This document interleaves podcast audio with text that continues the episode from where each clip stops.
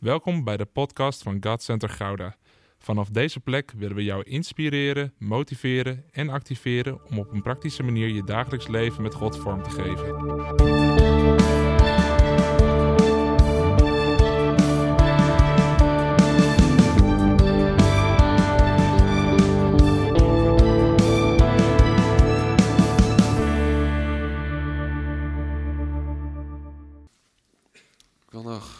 Kort bidden voordat we het woord openen met elkaar.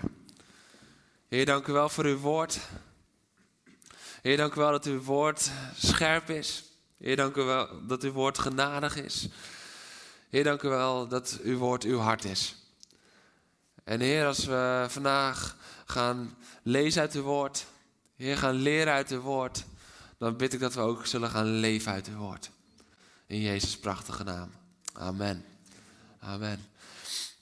We gaan uh, iedereen's favoriete boek lezen. Dat is geen hooglied. Het is Ezekiel. Ezekiel. Ik zie sommigen nu kijken, is dat een boek? ja, dat is een, dat is een bijbelboek, jongens. Ezekiel 22, vers 23 tot en met 31. En Ezekiel had een hele bijzondere bediening als profeet. Ezekiel was echt heel bijzonder. Ezekiel kreeg op een gegeven moment de opdracht om 390 dagen op één zij te gaan liggen. En hij werd vastgebonden door God. Om 390 dagen voor elk jaar dat Israël ontrouw was, één dag te blijven liggen op zijn zij. Daarna moest hij nog 40 dagen op zijn andere zij liggen. Nou, 40 dagen valt dan opeens heel erg mee. In dat perspectief. Op zijn andere zij liggen. En ik zal maar niet gaan hebben over wat hij mocht eten en drinken en hoe hij dat moest klaarmaken. Iets met uitwerpselen. Dat kan je allemaal lezen in het begin van Ezekiel, Ezekiel 4. Als je denkt van, oh, dat zou ik wel willen weten. Maar vandaag gaan we lezen uit Ezekiel 22. En Ezekiel had, naast dat hij dus lichamelijk en persoonlijk dus best wel ingewikkelde opdrachten kreeg, kreeg hij ook ingewikkelde dingen om te zeggen. Zeg maar dingen die profeten vandaag de dag niet meer durven zeggen. Dingen die gewoon bam binnenkomen. Bam, in één keer alles duidelijk maken. In één keer, oh, dat doet zeer. En ik kan me voorstellen dat hij regelmatig heeft gebeden, don't shoot the messenger. De Heere richtte zich tot mij. Mensenkind, zeg tegen Jeruzalem, je bent als een land dat niet is gereinigd. Toen ik het vervloekte, bleef de regen uit. De vorsten in de stad waren als leeuwen die grommend hun prooi verscheuren. Ze verslonden mensen, ze roofden schatten en veel kostbaarheden. Veel vrouwen maakten ze tot weduwen. De priesters deden mijn wetten geweld aan. Wat aan mij gewijd was, ontheiligden ze. En ze maakten geen onderscheid tussen wat heilig is en wat niet. Ze leerden niemand het verschil tussen rein en onrein en de Sabbat hielden ze niet in ere. Zo werd mijn naam door hen ontwijd. De leiders in de stad waren als wolven die hun prooi verscheuren. Door bloed te vergieten, door mensen te gronden te richten, joegen ze hun eigen gewin na. De profeten, nu denk je, nou komt er hoop. Nee, die pleisterden alles met hun witkalk dicht. Hun visioenen waren bedrieglijk en hun voorspellingen vals. Ze zeiden, dit zegt God de Heer, terwijl de Heer niet had gesproken. Worden we al opgebouwd? Bemoedigd? Ja? Oké. Het volk gaf zich over aan uitbuiting en diefstal. Het onderdrukte de machtelozen en de armen. Het buiten de vreemdelingen uit en deed hun geen recht. Ik heb gezocht naar iemand die een muur om de stad kon bouwen. Die voor het land in de bres wilde springen. Opdat het niet zou worden vernietigd. Maar zo iemand heb ik niet gevonden. Dus vervloekte ik hen. Met het vuur van mijn toorn vernietigde ik hen. Ik liet hun daden op hun eigen hoofd neerkomen. Zo spreekt God de Heer. Amen.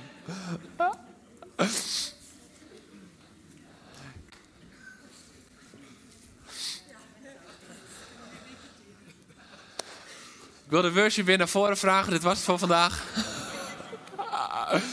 Ik zie sommigen echt zo kijken van... waar komt nu dat stukje uit het Nieuwe Testament met genade? Er zit hier ook genade in. Let maar op. Maar het is nogal een verhaal. Het is nogal een verhaal waar we lezen over machtige mensen die bereid zijn om over lijken te gaan. Waar kerken, de priesters, de van, principes van God niet hanteren. Het is een verhaal waar leiders voor hun eigen gewin gaan. Waar profeten praten naar de mond van de massa. En waar de mensen onrecht doen om hun eigen recht te verschaffen. Wat een tijd hè, was het toen. En wat herkenbaar is het misschien wel ook wel met nu. Want Ezekiel bracht dit woord in een tijd waar dit gebeurde. Maar herkennen we het niet dat machtige mensen best wel bereid zijn om over lijken te gaan? Dat kerken de principes van God niet meer hanteren uit angst voor de samenleving? Dat leiders vooral gericht zijn op hun eigen gewin? Dat profeten praten naar de mond van de massa omdat ze bang zijn voor de reactie als ze het echte woord van God spreken? En dat mensen onrecht doen om zomaar hun eigen recht te verschaffen, het voor zichzelf te pakken.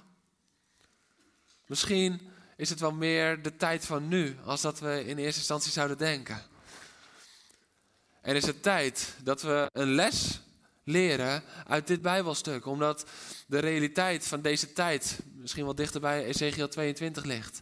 Maar daarin dus ook de noodkreet van God, dat hij zoekt naar mensen. Hij zoekt naar mensen. Ik weet nog dat in 2016 dat ik mijn eerste muskatlon deed. Ik was in Ecuador en uh, wij hadden ons eerste huisbezoek gehad.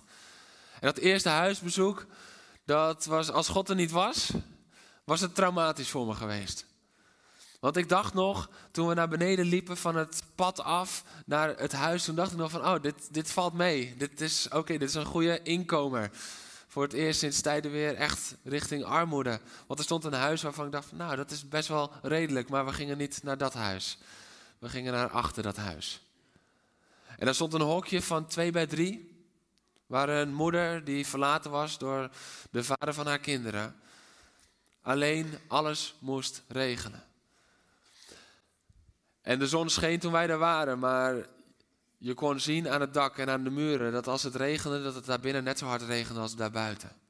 Er lagen twee matrassen op de grond en verder was er eigenlijk helemaal niets. Ze had geen keuken, ze had geen wc, ze had niks.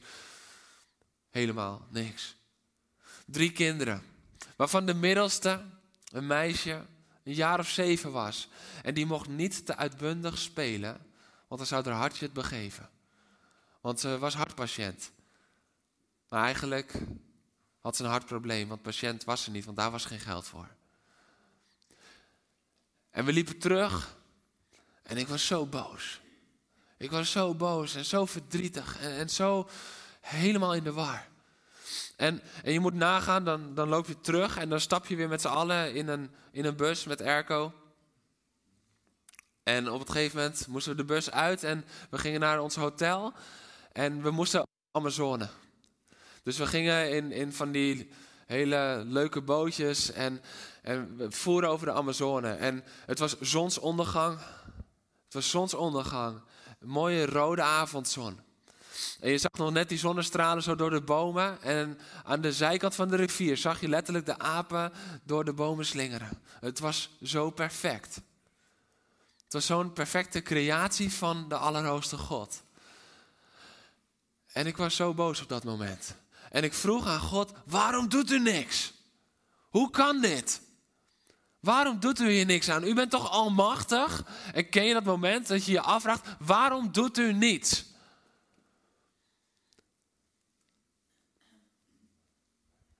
En ik was alleen gaan zitten in die boot, want ik had geen behoefte aan mensen om me heen op dat moment. En ik was mijn boosheid richting God aan het uiten.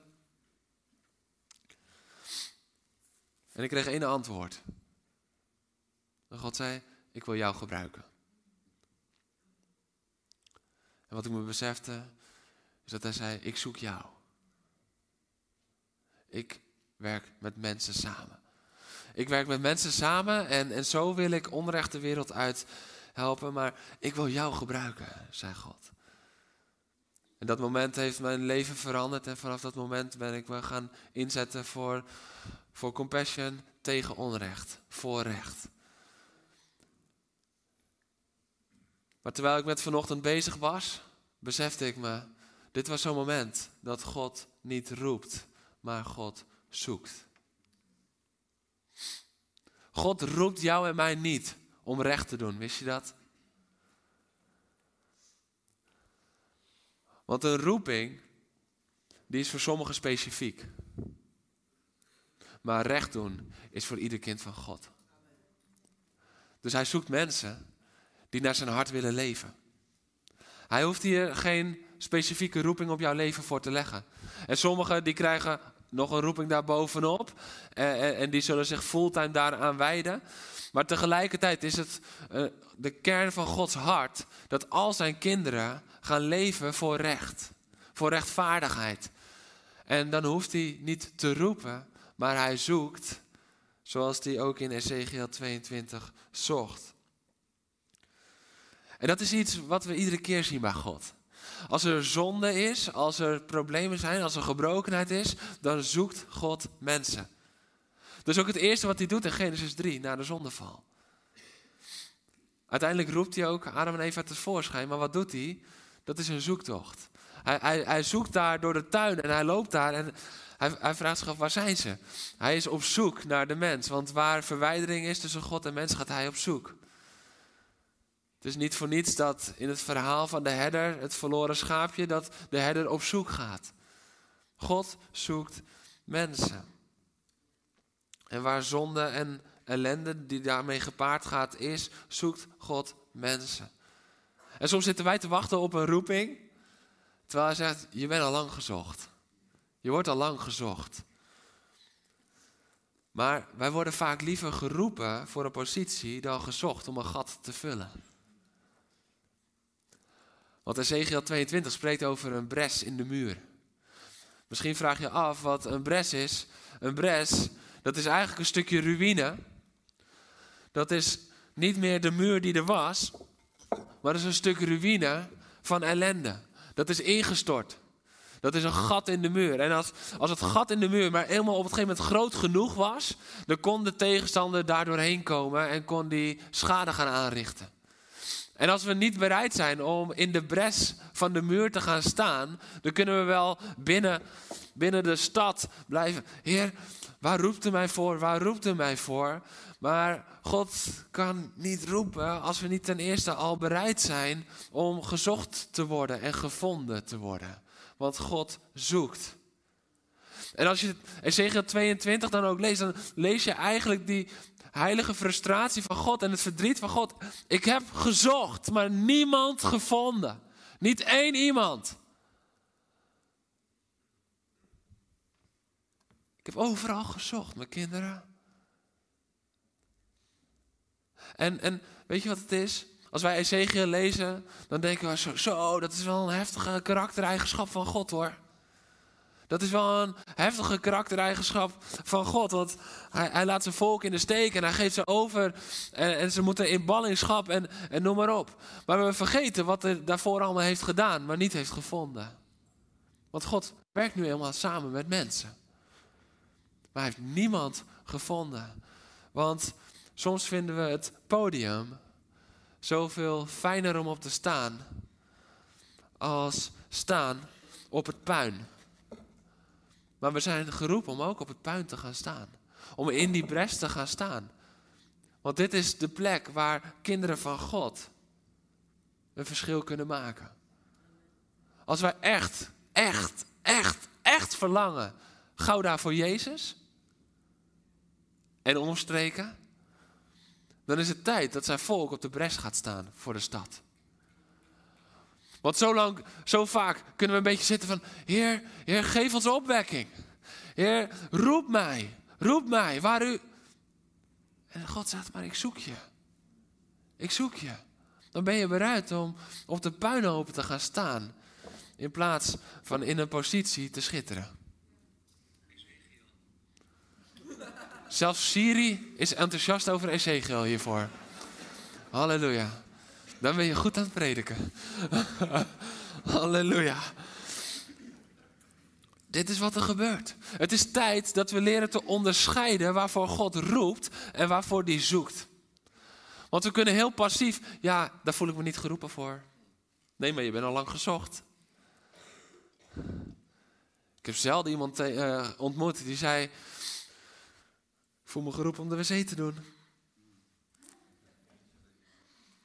Maar je wordt gezocht. Je kan je zo direct achterin opgeven. Want iedereen vindt het fijn om op een schone pot te zitten. En iedereen geeft af als het vies is. Maar wie wordt er gevonden als er gezocht wordt naar mensen voor de wc? Iedereen wil heel graag dat Gouda gewonnen wordt voor Jezus. Toch? Oké, dat was misschien een vooronderstelling. Um, een polletje. Wie wilde graag dat Gouda gewonnen wordt voor Jezus? Yes, mensen zijn heel bang voor de strikvraag. Maar dit is geen strikvraag, dit is gewoon een polletje. Dat, want dat is in ons hart. Maar willen we het echt? Willen we het echt, echt, echt, echt? Of willen we het vooral zien en meemaken? Dat we kunnen zeggen, oh, het is opwekking. Maar weet je dat voor elke opwekking gaat slijtage aan je knieën vooraf? Omdat je de schijf uit je knieën moet bidden. We verlangen naar opwekking voor de stad Gouda, maar als we voor de stad Gouda bidden, met hoeveel zijn we dan in de gebedsdienst? We verlangen naar veiligheid in de stad, dat de stad herbouwd wordt, maar wie staat er op de bres? Want dit is de zwakke plek. Dit is de plek die versterkt moet worden. Dit is de plek waar het gewoon keihard werken is. Dit is de plek waar je jezelf durft te geven. Omdat je jezelf blootstelt aan een mogelijke vijand. En daar komt de genade. Dat doen wij bedekt onder het bloed van Jezus. Dus wij hoeven daar helemaal geen zorgen over te maken. Maar we moeten bereid zijn. Weet je, het probleem dat er nog geen opwekking is in Nederland, is niet het ontbreken van Gods kracht. Het is het ontbreken van onze bereidheid. Zet die op Insta en iedereen gaat je ontvolgen. Want dat komt dichtbij. Maar het is wel de waarheid. Want God heeft gezocht en ook vandaag de dag, God zoekt. Ik geloof dat God zoekt en zoekt en zoekt. Maar vindt hij de mensen die bereid zijn? En, en wij zeggen, ja, maar Heer, waar ben ik geroepen voor? Nou, allereerst om gevonden te worden. Gaan we ervoor? Zijn we echt bereid? God kon niemand vinden in Ezekiel 22. Ik heb gezocht naar iemand. Maar zo iemand heb ik niet gevonden. God kon niemand vinden die de stad gezond zou maken. God kon niemand vinden die de stad kon redden. God kon niemand vinden die rechtvaardigheid kon brengen. God kon niemand vinden die de waarheid terug kon brengen. God kon niemand vinden die begreep wat dienen is. God kon niemand vinden die begreep wat liefde is. God kon niemand vinden, dus besloot hij iemand te sturen. Dus besloot hij iemand te sturen. En die iemand is Jezus. Hij zag, dit is onbegonnen werk. Hij zag, niemand kan die bres in de muur, kan die vullen. Niemand kan daar in die bres gaan staan en stand houden. En uiteindelijk besloot hij dus iemand te sturen. Want waar hij niemand kon vinden, dacht hij niet van oké, laat dan maar. Toen dacht hij, dan ben ik aan zet. En hij stuurde Jezus. Hij stuurde Jezus zelf en die ging voor. Maar zoals de Vader Jezus gezonden heeft, zo zendt hij ook ons. Dat betekent niet alleen in de roeping, maar ook dat Jezus was vindbaar toen zijn vader hem wilde sturen. Jezus was vindbaar. Jezus liep niet weg voor de verantwoording. Jezus liep niet weg voor de pijn. Jezus liep niet weg voor de schande. Jezus liep niet weg voor al die dingen waarvoor wij vaak denken van, daar ben ik niet voor geroepen. Ik voel me niet geroepen. Nee, dat klopt. Je bent ook niet geroepen. Je bent gezocht. Wanted. Je bent gezocht. En mensen laten zich vaak niet vinden en daarom liet Jezus zich sturen. Weet je, het begint al bij Adam. Het begint al bij Adam, de, de, de, eerste, de eerste mens. Er is iets fout gegaan, er is een bres in de muur gekomen. En wat is het eerste wat er gebeurt? Hij gaat niet op die bres staan. Hij gaat daar niet in zijn naki voor God staan en zegt: We hebben een probleem. Ik ben, ik ben, ik ben zondag geweest. En, en ik, ik, ik wil. Nee, hij verschool zich in de bosjes en gaf zijn vrouw de schuld die hij van God had gekregen. Ten diepste gaf hij God de schuld. En dat doen wij natuurlijk niet. God de schuld geven van dingen. Maar toch kunnen we opeens in Ecuador, in een bootje, zomaar uitroepen in het diepste van onze ziel: Waarom doet u niks? Maar we geven God niet de schuld natuurlijk. Zoals Adam wel deed. En als je tot in het diepst van je ziel geraakt wordt, je opeens wel per ongeluk kan doen. En dan zegt God, ben ik wil met jou.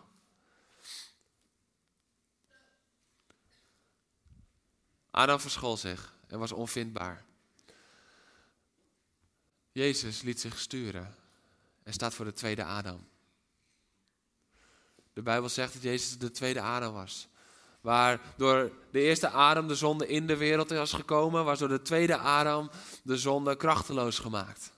Waar verloren was gegaan onder de eerste Adam, is redding gekomen door de tweede Adam. En die tweede Adam, daar mogen wij ons mee vergelijken. Niet omdat we net zo goed zijn als Jezus, maar omdat Hij in ons is komen wonen en zegt: Zoals ik ben gezonden, zo zend ik ook jullie. Dus we mogen ons daarin vergelijken. Dus waar Hij bereid was om te gaan en in die bres is gaan staan, zijn wij ook gezocht om in die bres te gaan staan. Daar hoeft geen speciale roeping voor te komen. Weet je, als jij iemand gewond ziet liggen op straat, dan hoef je echt niet eerst. Oké, Heer, zou ik nu eventueel moeten gaan helpen of. Nee, ik ben niet geroepen, sorry man.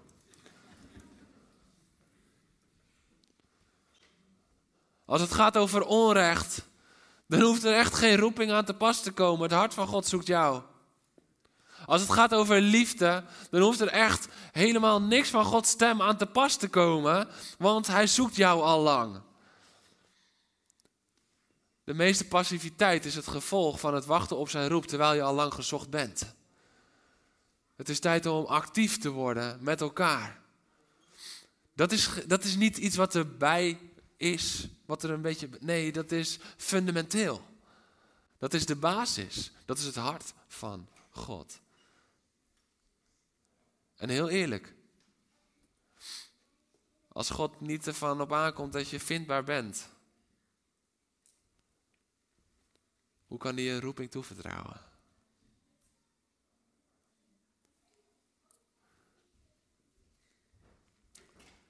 Daar ben je nog niet aan toe dan. Want waarschijnlijk is je hart en je karakter dan nog niet klaar voor de plek die je roeping met zich meebrengt. De positie die je roeping met zich meebrengt. Als we niet gezocht willen worden. Als we niet gevonden willen worden.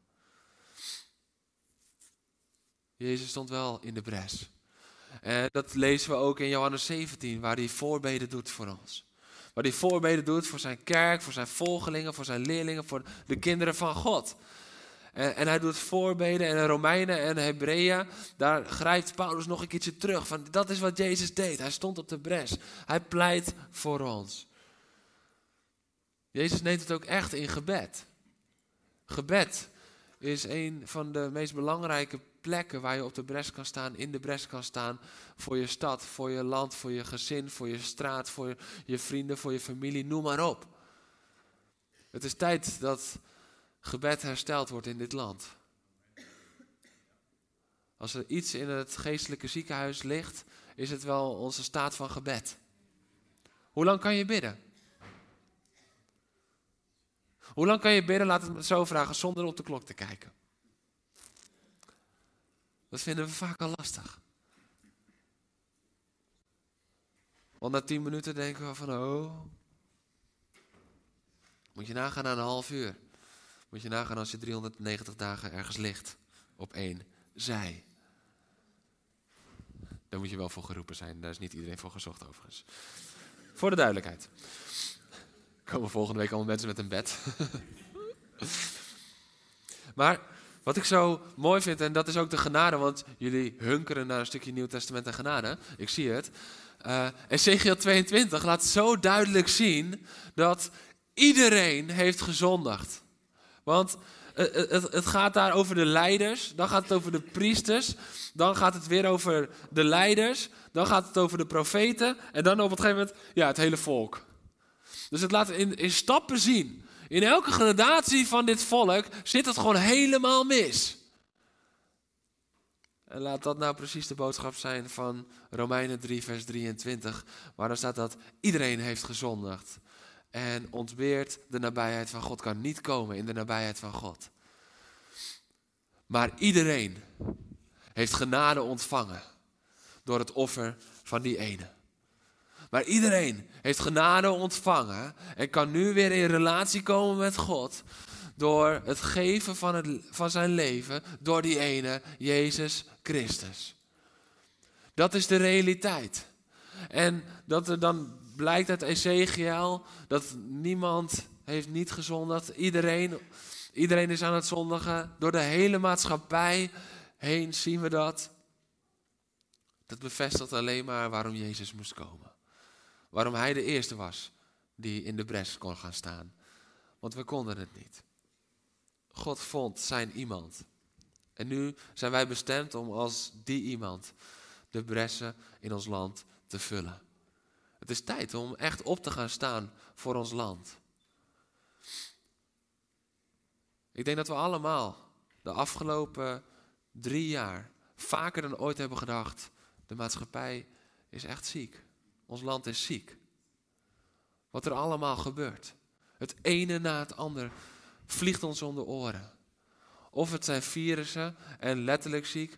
Of het zijn gewoon de zieke patronen van, van macht en seks in elke industrie die er is.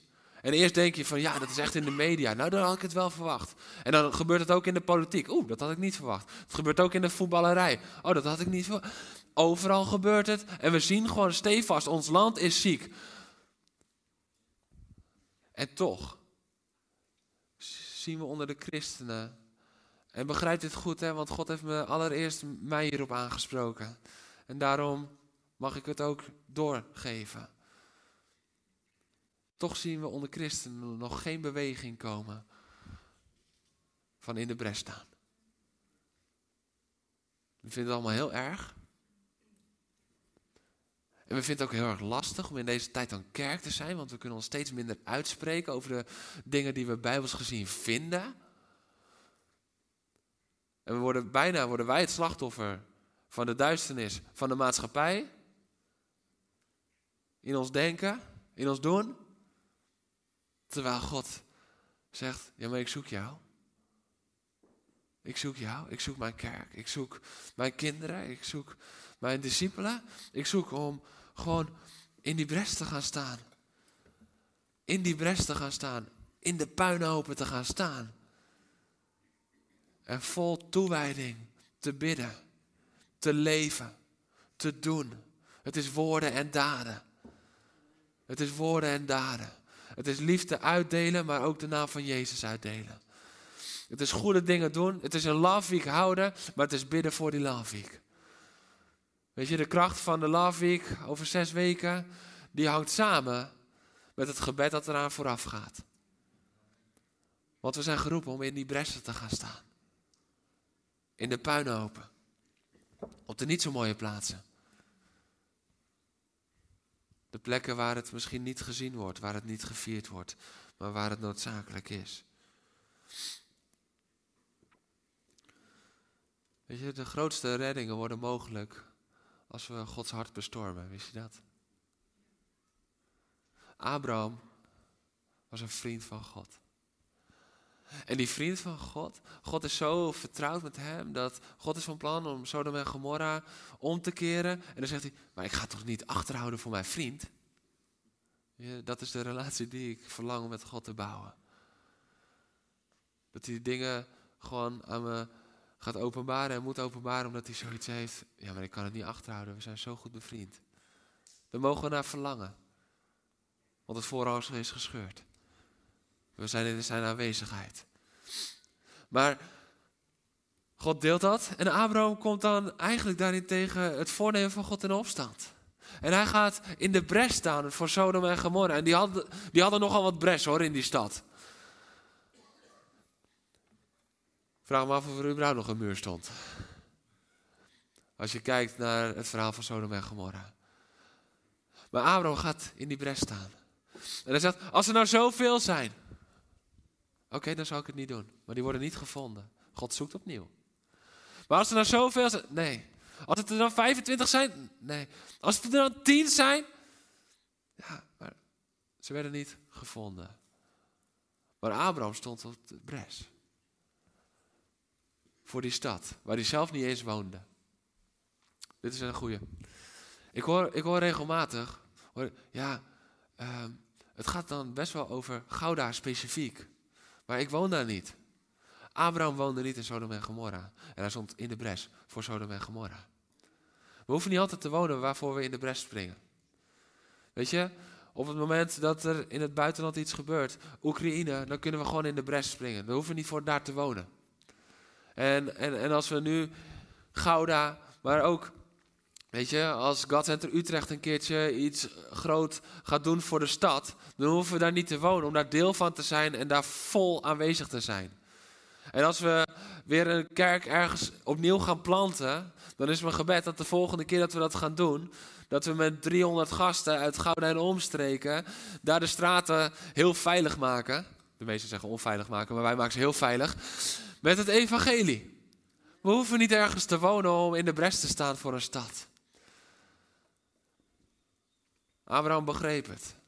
En daarin zie je ook opnieuw weer de genade. Hè? Want God was bereid om op tien mensen een stad te redden. Sodom en Gomorra was een hele grote stad in die tijd. Dat betekent dat er meer dan 10.000 mensen woonden in die tijd. Dus 10 mensen op 10.000, dat is 1 op de 1000. 1 op de 1000 was genoeg voor God geweest. En in dit geval kan hij niet vinden, maar Gouda heeft 74.000 mensen. Begin 2022. We zijn hier al met meer dan 74 mensen. Wij kunnen het verschil maken hier in Gouda. Wij kunnen in de bres staan. En in plaats van dat God een stad omkeert, wat hij nu in zijn genade niet meer zal doen, mogen we in de bres staan. En mogen we tot zegen zijn voor de stad. En mogen we de stad winnen voor de naam van Jezus. In de bres gaan staan. Zoals Mozes het ook deed. Mozes stond in de bres voor het volk. En God gaat mee in zijn gebeden. Psalm 106, vers 23 zegt het zo mooi dat Mozes in de bres stond voor het volk. Hij ging als het ware tussen God en het volk instaan. Er was daar een gat gekomen in de muur door de ongehoorzaamheid van het volk. Maar Mozes pleit.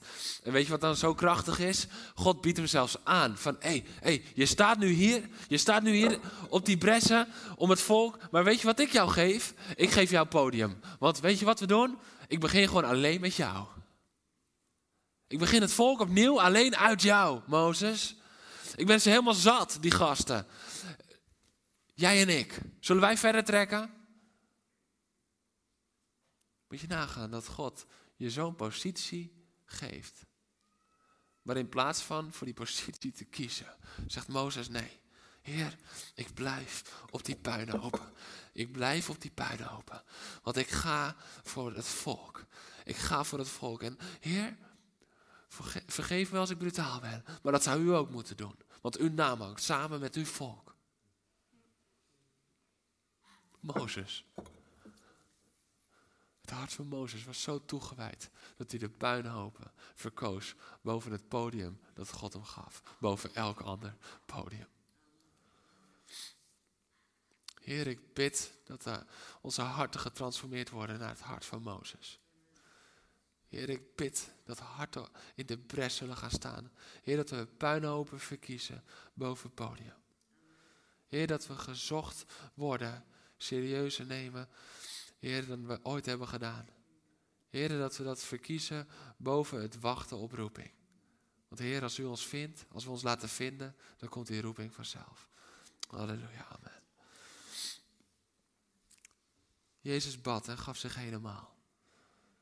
Hij gaf zich helemaal. Hij bad en hij deed. Hij bad en hij deed. En hij stelt ook die vraag. Als het gaat over de barmhartige Samaritaan. Hij zegt, wie is dan de naaste geworden? Wie is er in de bres gaan staan? Wie is de naaste geworden? Wij hebben geen roeping nodig, we hebben onze ogen en oren gekregen. Wat doen we als we iemand zien op straat? Wat doen we als we iemand zien bij de supermarkt? Wat doen we als we iemand zien in onze eigen straat, in ons rijtje? Wat doen we als we horen dat vader altijd schreeuwt tegen zijn kinderen? Ik zeg niet dat je altijd gelijk moet aanbellen, maar vind het doorgang in je gebedsleven allereerst. En vanuit je gebedsleven, als je dan in de bres staat, dan zal je wijsheid ontvangen wat je moet doen en wat je niet moet doen. Is tijd om op de knieën te gaan.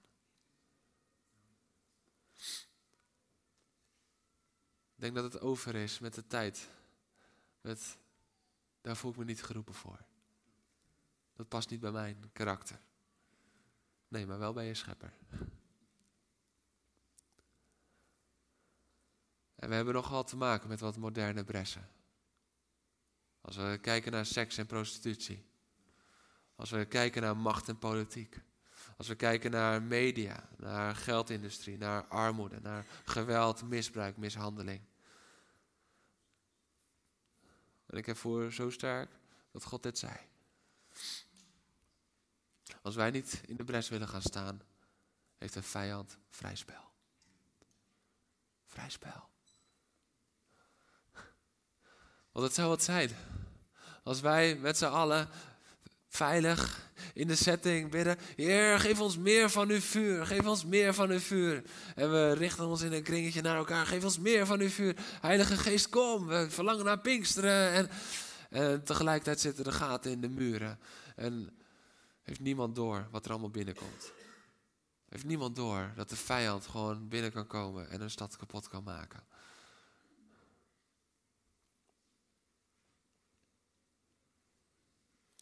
We zongen het net zo mooi. Kom Jezus, kom. Vul dit land met uw heerlijkheid. Kom Heilige Geest, stort op ons uw vuur. Kom Jezus, kom. Vul dit land met uw heerlijkheid. Kom Jezus, kom. Kan je even komen, Niels?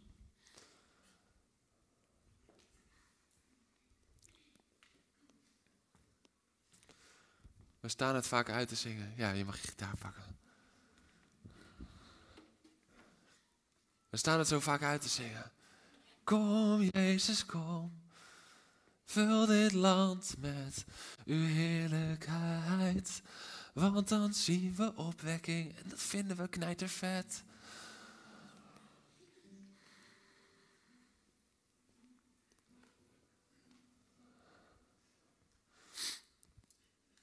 Maar ik denk dat het tijd is dat we onze knieën gaan buigen. Want dat is in de bres staan voor ons land. En laten we dat nu gewoon profetische moment doen met elkaar. Ik wil je vragen om, als het in je mogelijkheid is, om te knielen. En laten we dan met dezelfde passie, met diezelfde overgave uitzingen. Kom Jezus, kom. Vul dit land. Vul ons land. Laten we het doen met elkaar.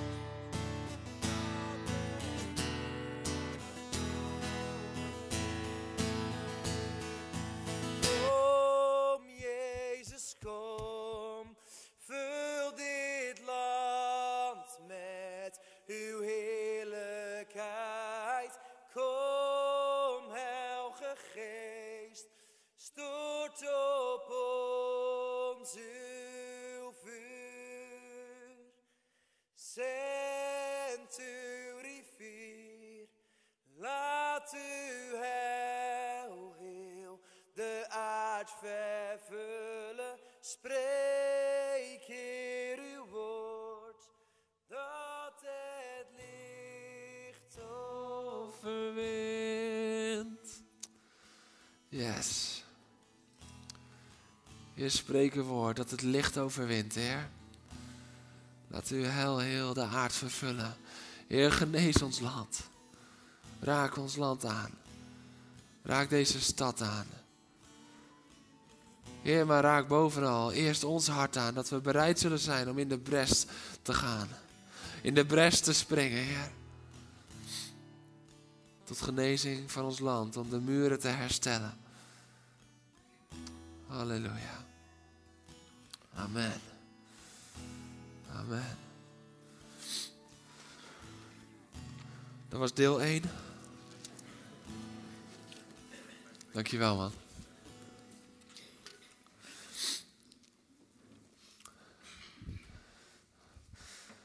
Want deel 2 is Jesaja 58.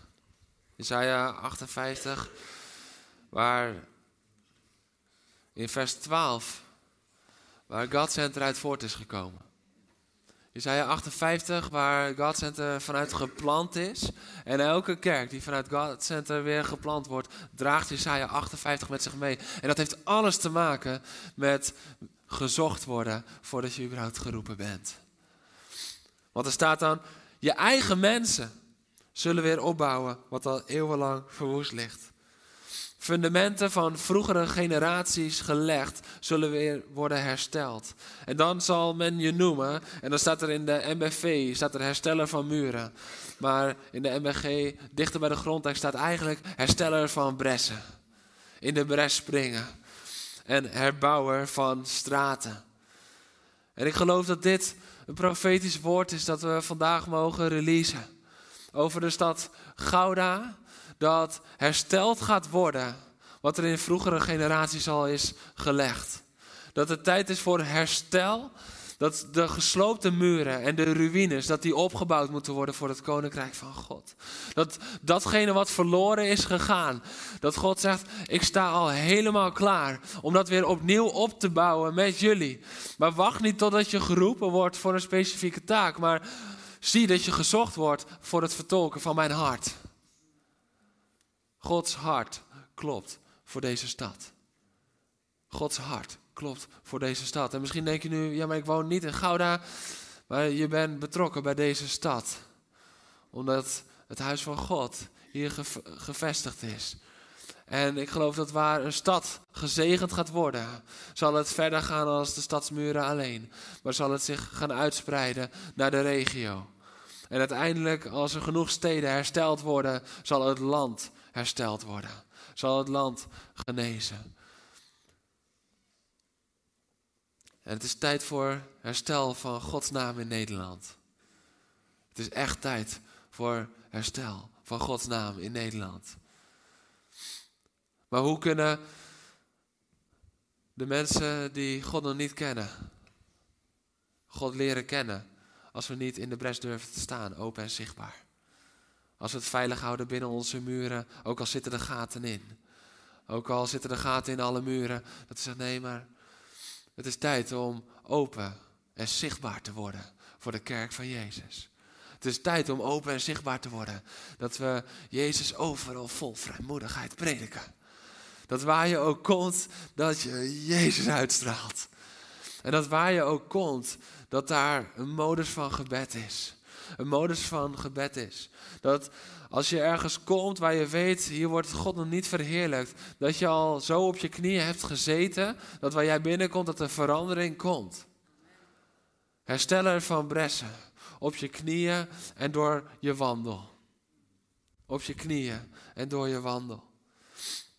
Want als we even kijken naar Ezekiel, want je kan je nu misschien afvragen van ja, maar hoe moeten we dit dan doen? Dan kan je eigenlijk gewoon heel simpel het tegenovergestelde pakken van wat ze daar allemaal deden. Plus bidden. De vorsten waren eigen, uit op eigen bejag. Wat staat er tegenover? Het dienen van de ander. Het dienen van de ander. De priesters, die hadden de wetten van God geweld aangedaan, staat er. We moeten weer gaan wandelen in de principes van Gods woord. Dan zien we nog een keertje dat leiders het alleen voor zichzelf deden. Weer opnieuw het dienen van de ander staat er tegenover. Dan zien we dat de profeten niet de waarheid spraken, maar praten naar de mond van de massa uit angst. Het is tijd dat de waarheid weer gaat klinken. Weet je waarom we zo vaak de waarheid niet durven zeggen? Dan zeggen we van, ja, nee, maar we moeten, we moeten in liefde. We moeten in, in liefde en we moeten de mensen lief hebben. Ja, maar de mensen lief hebben is de waarheid zeggen. Alleen als we de waarheid niet durven zeggen, omdat we denken dat dat niet liefde is, dan zijn we nog niet genoeg overtuigd van de waarheid in ons eigen hart. Als je echt diep overtuigd bent van Gods waarheid, in jouw hele wezen, dan weet je dat het liefde is om dat te brengen. Ook al strookt het niet met de opvatting van de meerderheid. Ook al strookt het niet met de opvatting van de maatschappij. Maar het is toch wel gewoon tijd dat de kerk weer bekend gaat staan om zijn liefde. Om de waarheid. Dat we niet meer zeggen van, ja nee, uh, zonde, dat, dat woord benoemen we niet. Zonde is de reden dat Jezus kwam. Hoe kunnen we dat woord weglaten?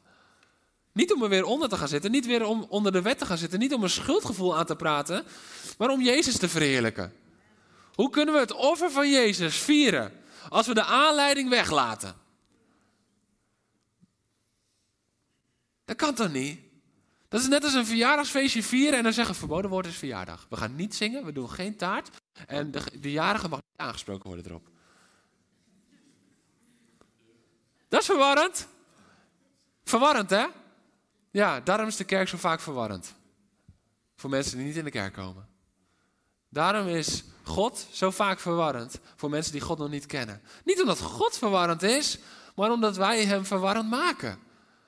Het is tijd om de waarheid te spreken. Het is tijd dat we weer gaan staan voor het huwelijk. Eeuwig getrouwd tussen man en vrouw. Halleluja. En dat we niet denken van, oh, maar hoe moet daarmee?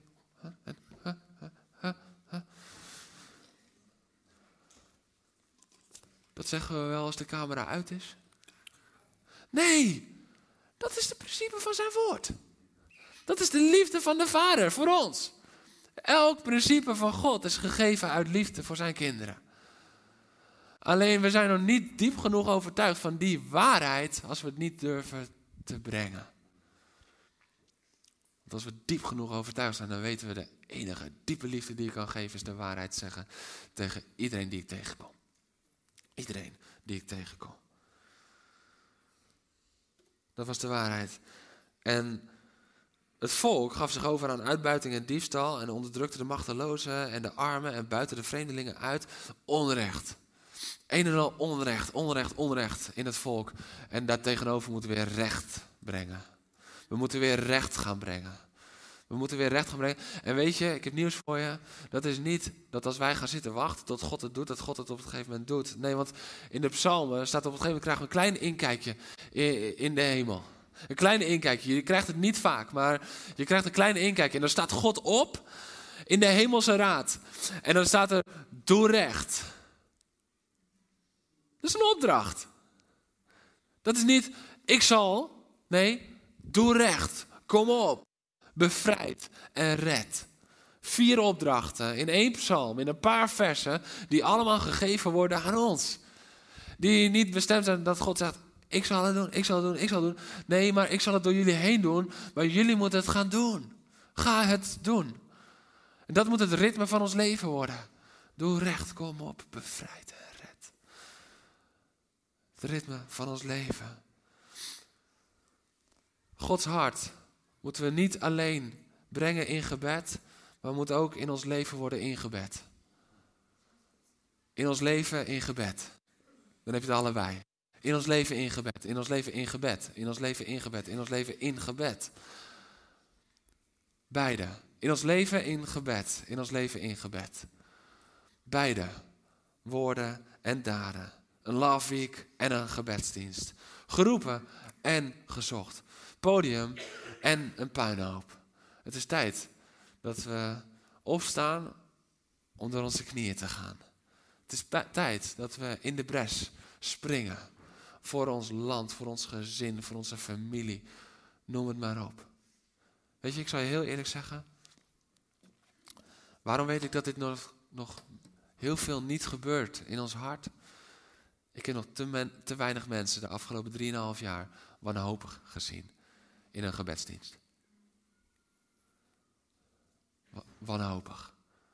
Op de knieën vallend, het niet meer wetend, het smeken bij God. Dat mensen naar je toe komen van, ben je dronken? Dat gebeurde in de Bijbel. Eli dacht dat Hanna dronken was. Wat is dit? Zo vroeg al? Nee, ik stort mijn hart uit bij de Heer. In de pres staan voor je familie.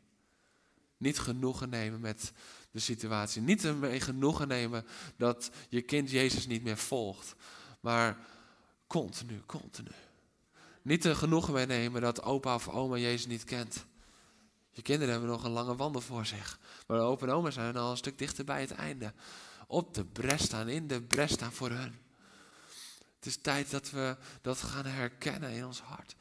En denk nou niet, dat ga ik doen als God me roept om tijden van gebed apart te zetten. God zoekt. God zoekt jou. God zoekt jou vandaag. Amen. Amen. Ik vraag of de worship naar voren komt. En tijdens het volgende lied dat we zingen, wil ik je gewoon uitdagen om een moment met God te nemen. Een moment met God te nemen om te kijken, Heer, waar ben ik nog als de eerste Adam? Waar moet ik als de tweede Adam worden? Waar verschuil ik me nog in de bosjes terwijl u zoekt?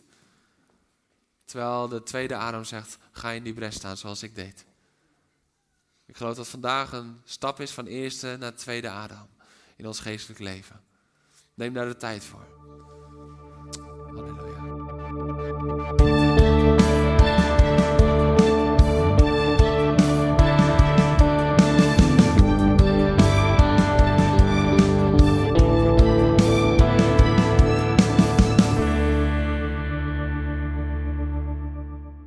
Bedankt voor het luisteren naar deze podcast. Volg ons op onze kanalen om verbonden te blijven. Heeft deze aflevering jou geraakt? Deel dan op je socials en tag ons, zodat we samen meer mensen kunnen bereiken.